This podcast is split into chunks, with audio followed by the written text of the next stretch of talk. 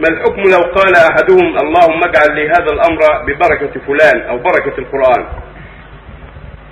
إذا كان لفلان في سبب أو أو يمكن أن يكون له في سبب ما في باس اللهم يسر أمري ببركة فلان اللهم اقبلني بفلان أو اللهم يسر أمري بفلان يعني بأسباب فلان ما يضر.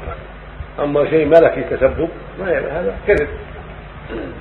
اللهم اغفر لي ببركة القرآن أو بعلمي بالقران أو بتلاوته للقران أو بحفظ للقران القران كلام الله. ما يضر. لأنه توسل بصفات الله.